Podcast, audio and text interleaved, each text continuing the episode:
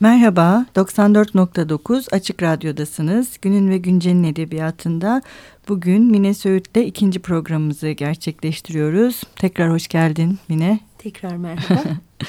Ee, Mine Söğüt 1968'de İstanbul'da doğdu. Orta öğrenimini Kadıköy Kız Lisesi'nde tamamladı. Aynı yıl İstanbul Üniversitesi Latin Dili ve Edebiyatı bölümünü kazandı. 1989'da mezun olduktan sonra aynı bölümde yüksek lisans yaptı. 1990 yılında Güneş Gazetesi'nde muhabirliğe başladı. Daha sonra Tempo Dergisi ve Yeni Yüzyıl Gazetesi'nde çalıştı. 1993 yılında Türkiye Gazeteciler Cemiyeti'nin düzenlediği yarışmada haber dalında mansiyon aldı. 1996-2000 yılları arasında Haberci adlı televizyon belgeselinin metin yazarlığını yaptı. 1999-2001 yılları arasında Öküz dergisinde yazılar yazdı. Deli kadın hikayelerinden yazıp yönettiği Sinekler Sevişirken'i Merve Engin oynadı. Ee, kendisi hala e, ayrıca Cumhuriyet Gazetesi'nde haftada iki gün köşe yazarlığı yapıyor. Ee, Beş Sevim Apartmanı, alt başlığı Rüya Tabirliği, Cimperi Yalanları 2003'te, Kırmızı Zaman 2004'te, Şahbaz'ın Harikulade yılı 1979-2007'de, Madame Arthur Bey ve Hayatındaki Her Şey 2010'da ve son olarak 2011'de Deli Kadın Hikayeleri yayınlandı. Deli Kadın Hikayeleri hikaye, diğerleri roman türünde verdiği eserler Mine Söğüt'ün ve bütün kitapları Yapı Kredi Yayınları tarafından yayınlanıyor. Şimdi en son e, geçen programda Şahbaz'ın harikulade yılı 1979'u konuşurken e, 12 Eylül'de e, konuşmaya başlamıştık. Ben biraz oradan devam etmek istiyorum aslında.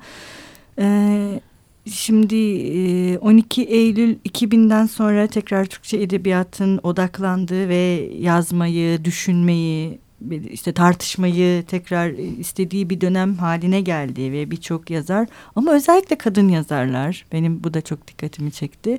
Ee, yazarlar tekrar bir 12 Eylül'e dönüp bakarken ee, bunu daha önce biraz önce de konuştuk. Hani bir önceki kura, kuşak 12 Eylül ve sonrasına odaklanırken yani sizin kuşağınız ya da bizim işte hepimiz e, kuşağının 12 Eylül'ün hemen öncesine odaklanmasını bir e, konuşalım istiyorum ben. Ama tabii sen niye bunu 1979 sen niye öyle tercih ettin? Ee, ben 1980 yılında 12 yaşındaydım. Bizim nesil aslında 12 Eylül'den doğrudan etkilenen, hiç kendi payı olmadığı halde 12 Eylül ve sonrasının sonuçlarından doğrudan etkilenen en e, büyük darbeyi alan nesil bence.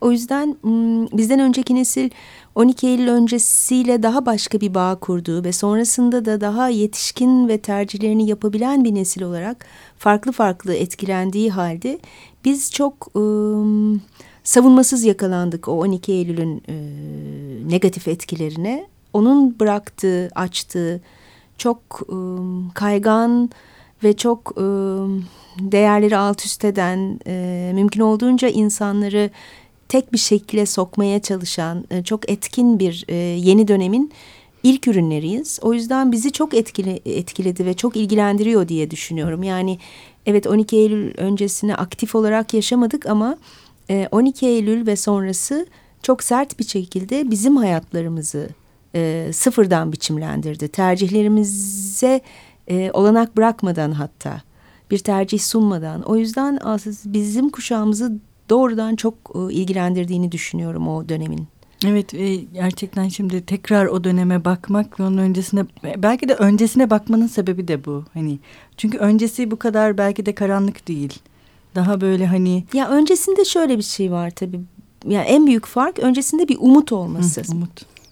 12 Eylül'ün e, bence en sert sonucu bir umut bırakmaması. Daha doğrusu umut diye kodlanan her şeyi bir umutsuzluk olarak yeniden kodlaması. E, bu çok travmatik bir şey. Hı hı. Yani 50'lerden, 40'lardan, 30'lardan e, 80'lere kadar bütün dünya aslında e, umudu farklı tarif ederek geliyor. E, yani bizim bir mottomuz var. Güzel günler göreceğiz çocuklar diye bir cümlenin e, arkasını, altını, içini bütün negatifliklere rağmen doldurabiliyoruz. E bugün 2013 kaçtayız biz? 2000 e, bugün 2016'dayız ve e, güzel günler göreceğiz cümlesinin kimsenin birbirine e, kurmaya cesareti yok. E, öyle bir şey olmayacağını hepimiz biliyoruz. Bu çok sert bir hikaye bence. Ve bu hikayenin e, ilk cümlesi de tamam birçok geri dönüşler yapılabilir ama en belirgin ilk cümlesi diyelim 1980'de 79'un sonunda ve 80 sonrasında yazıldı. Evet şimdi biraz aslında şeyden de bahsetmek istiyorum. Bu Şahbaz'ın harikulade yılında bir almanak var. Sonunda senin koyduğun 1979 yılının yine ay ay önemli olayları. Onları gazetelerden yani gerçek olaylar mı? Tabii Hepsi? zaten en önemlisi o. Hani başta ilk geçen program konuştuğumuz gerçeklikle yüzleşmek meselesi. Şimdi Şahbaz'da anlatılan çok sert bir hikaye var. Çok ağır bir işkence hikayesi. Onun etrafında başka küçük küçük gene çok sert E, ağır insan hikayeleri.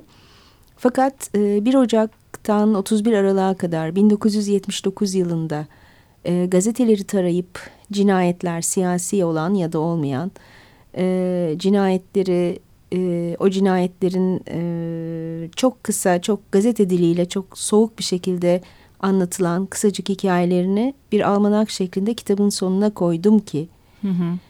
başta okuduğumuz o kurgu metinde çok sarsıcı bulabileceğimiz, sert bulabileceğimiz ve hatta inanamayacağımız, fazla abartılmış bile bulabileceğimiz hikayelerden çok daha sert çok daha kendiliğinden abarmış. Ee, aslında katlanılması mümkün olmayan gerçek hikayeleri koca bir ülke olarak katlandığımızı, birey olarak içselleştirebildiğimizi, kabul edebildiğimizi ve böyle bir hayata isyan etmeyip ya da isyan etsek bile etkisiz kalıp o hayatın bütün sorumluluklarını yüklenebildiğimizi görmek istedim. Hı. O gerçeğin kurgudan daha korkunç olması da aslında başka bir hikaye. Evet. O yüzden o almanak kısmını çok önemsiyorum. Yani hı hı. 1 Ocak'tan 31 Aralık'a kadar bu ülkede olup biten şeyler benim aynı zamana dair kurguladığım tamamen hayali bir hikayeden çok daha korkunçtu zaten. Evet. Zaten o almanak gerçekten okuduğunda insan daha alt hale geliyor. Ben de en azından öyle olmuştu ve açıkçası beklemiyordum. Yani almanak böyle hani şey diye düşünmüştüm ben başlarken. Herhalde esinlendiği haberler vardır sadece diye ama Hayır o esinlendiğim yani. gerçekler var evet. maalesef ve evet. onlar e, o gerçekler çok da bize ait gerçekler olduğu için e, bence sertti. Evet çok sert ya, ama genel olarak senin edebiyatın çok sert yani hem sert hem travmatik e, bunu zaten hani e, konuşuyoruz baştan beri. Bir de şey çok sert e, kitaplarda e, bu Beş Sevim Apartmanı'ndan başlayarak bir çocuk istismarı. Yani çocukların yani aileleri tarafından, başkaları tarafından çocukluklarının ne diyeyim çalınması, yok edilmesi, kaybedilmesi. Yani hep bir oraya bir dönüş ve oradaki hikaye hep çok karanlık ve vahşi, hı hı. vahşet yani vahşi bir hikaye olarak ortaya çıkıyor. Bunu neden böyle düşündün? E, çünkü biçimlendiğimiz bütün değer yargılarımızın, korkularımızın ve cesaretimizin e, oluştuğu, Hı. sonradan yetişkin insanlar olarak yaşayacaklarımızın altyapısının belirlendiği dönemden bahsediyoruz çocukluk diye. Çocuk bir çocuk değil aslında, Hı -hı. bir yetişkinin çocukluğu.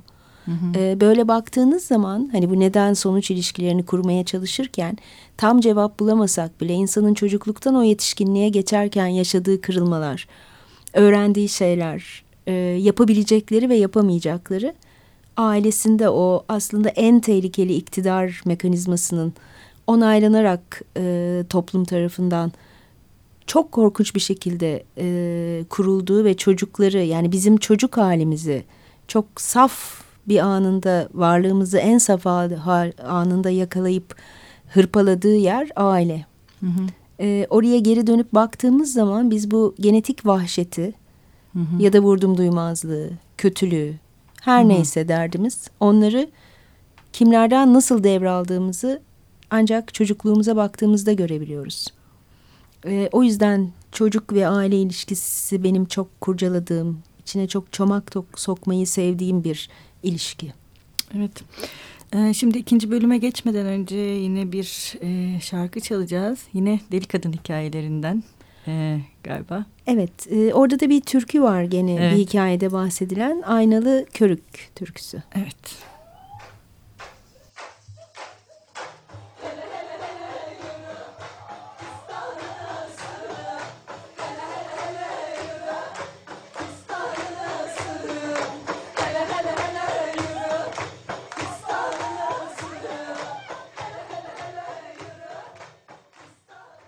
Gel dağları aşalım, Hilal'de buluşalım. Gel dağları aşalım, Hilal'de buluşalım.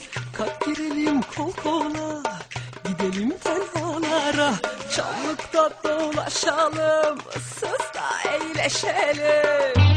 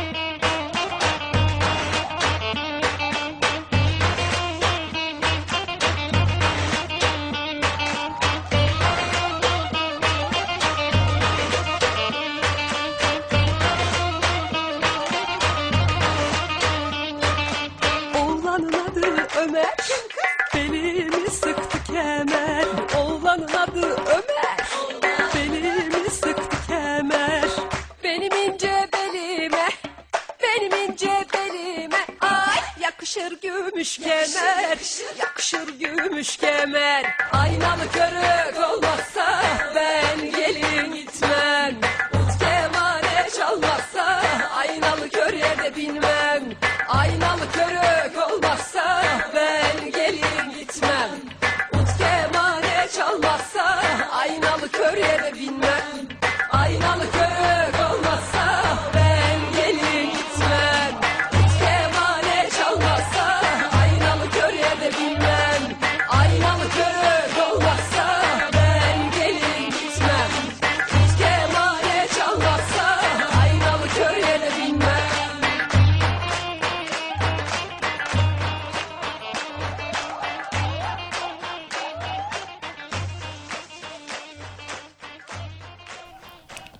Merhaba, tekrar 94.9 Açık Radyo'dasınız. Günün ve Güncel'in edebiyatında Mine Söğüt'le konuşmaya devam ediyoruz.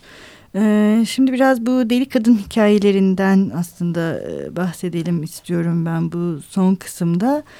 Ee, şimdi deli kadın hikayelerinde bu dil meselesi yani bütün kitaplarda zaten hani delilik anlatısının kendisinde dil önemli bir şey ama burada yani dilin kendisi neredeyse bütün hikayelerde değişiyor. Yani bir tek dil yok burada. Birçok kadının hatta e, şeye de geçeriz. Yine bu anlatılara da, da geçeriz. Farklı anlatıların kurulması. Ya, yani şey çok zor değil mi? Dili birinin dilini yazmak. Onun kafasının içine girip oradan yazmak. Hmm, yani e, aslında tabii zorluk meselesinden bilemiyorum. Yazı hmm. yani ya, yazmaya beni e, çeken bir şey var demek ki evet. o dilde. E, öyle bir hayatın içinde yaşıyoruz zaten. Aslında belki hmm. o yüzden zor değil. Hani biz kendimize çok uzak zannettiğimiz bu karakterler e, aslında hiç uzağımızda değil. Her gün o dili duyuyoruz. Yani hmm. biz başka şey konuşulur ki konuşurken yanı başımızda o korkunç delilik dili, o, o cinnet dili e, bize eşlik ediyor. O yüzden e, aşina olduğumuz bir dil. Yani ben yazarken ne kadar e, kanıksayarak yazabiliyorsam sanırım e, okuyanları da çok tanıdık gelen bir evet, dil. Evet aynen öyle. Çünkü Belki. maalesef duymadığımız bir dil değil. Hı hı. Kulak tıkıyor olabiliriz ama duymuyor asla değiliz.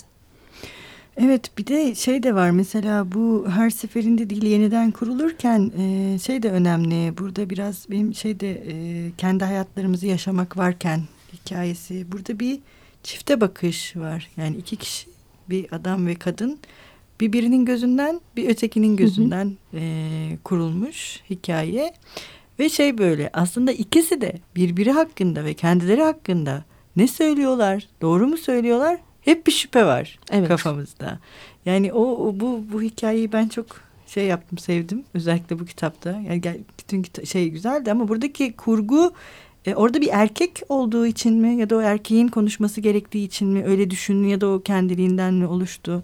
Ya aslında e, bütün yani birçok hikayede e, farklı açılardan bakmak Hı. yani yazdığım romanlarda da e, aynı şeye farklı açılardan e, bakmanın işaretleri var. Evet Hı. bunda çok net bir şey net, bu evet. bahsettiğin hikayede ama o zaten benim derdim. Hı -hı. Yani biz kendi söylediğimizden bile şüphe ederiz. Hı -hı. E, karşıdan nasıl görüldüğünü bilemeyiz ya da e, ağzımızdan çıktıktan sonra nereye varacağını kestiremeyiz e, sözün.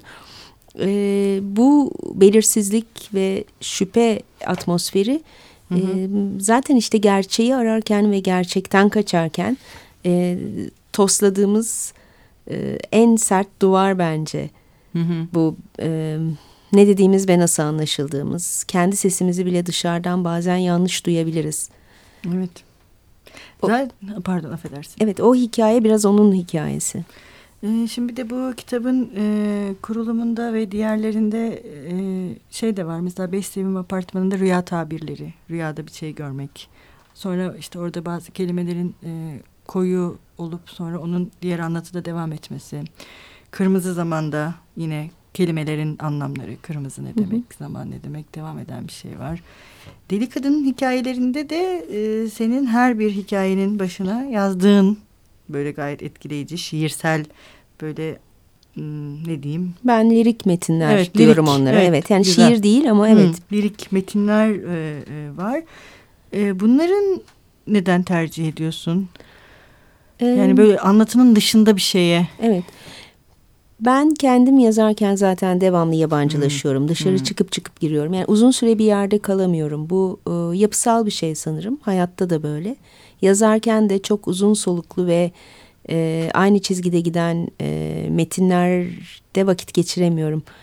Benim önce bir çıkıp yabancılaşmam hmm. gerekiyor. Haliyle bu kişiliğimde de olan hmm. e, hareketlilik metinlere de sanırım yansıyor ve e, bütün romanlarda hatta bir roman olmadığı halde sanki bir roman bütünlüğü varmış gibi bir başlık hmm. altında toplamayı sevdiğim, seçtiğim ve bu lirik metinlerle birbirine bağladığım deli kadın hikayelerinde de e, bu oyuncaklı ve arada nefes alma fırsatı veren e, okuduğumuz şeyden ya da anladığımızdan çıkıp çıkıp ona bir de dışarıdan bakma alanı açan e, biçimsel olanaklar sunmayı e, seviyorum.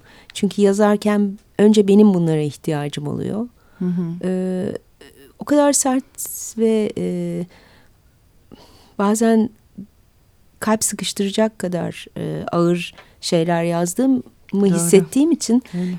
belki ufak nefes alanları hani onlar da daha aydınlık e, alanları hı hı. olmuyor ama e, en azından hı hı. bir küçük hareketlilikle e, metni daha e, kolay algılanabilir hale ve yazılabilir hale kendi açımdan da getirdiğimi düşünüyorum. Öyle bir de okur açısından da çok çarpıcı yani böyle şeylerle karşılaşmak. Özellikle deli kadın hikayelerinde e, yabancılaşmaktan çok ben şey diye düşündüm. Hani bizzat e, onun bir parçası haline dönüşmek metnin. Evet biz de böyleyiz ve bu, bu yani hikayeye dönüştürmenin bir parçasıymış gibi geldi. Yani Kırmızı Zaman ve Beş Sevim Apartmanı'nda daha yabancılaştırma. Evet ama buradaki hani dediğin gibi daha bir nefes senin sen nefes alırken e, biz de şey oluyoruz okur olarak e, onun içine doğrudan girebilmeyi sağlıyoruz. Yani bize de sanki bir kapı açmışsın ve hadi siz de buradasınız. Evet, evet öyle öyle gibi. bir öyle bir e, alan açma e, Yani fırsatı. ben öyle hissettim yani Hı -hı. en azından okur olarak. Bunlar bize açılmış kapılar ve evet hadi siz buradan girin. Ama bu gireceğiniz kapılar böyle kapılar. Bunu da bilerek ve hazırlıklı girin. Evet, içinde uyarılar da olan e, gibi o da hoş olmuş. Bir de son olarak tabii bu e, kitapta diğer kitapların kapakları da zaten çok özel. Yani o hemen kendini belli ediyor. Bütün kapakların kendine has bir şey var. Ee, bir de bu kitapta ayrıca bu resimler var. Bunlar özellikle mi kurgulandı bu kitap için ya da hmm. öyle mi düşündünüz yaparken? Yani aslında değil. Bugüne kadar bütün kitapların kapaklarını ilk kitaptan itibaren e, Bahadır Baruter yaptı eşim. Hı hı. E, o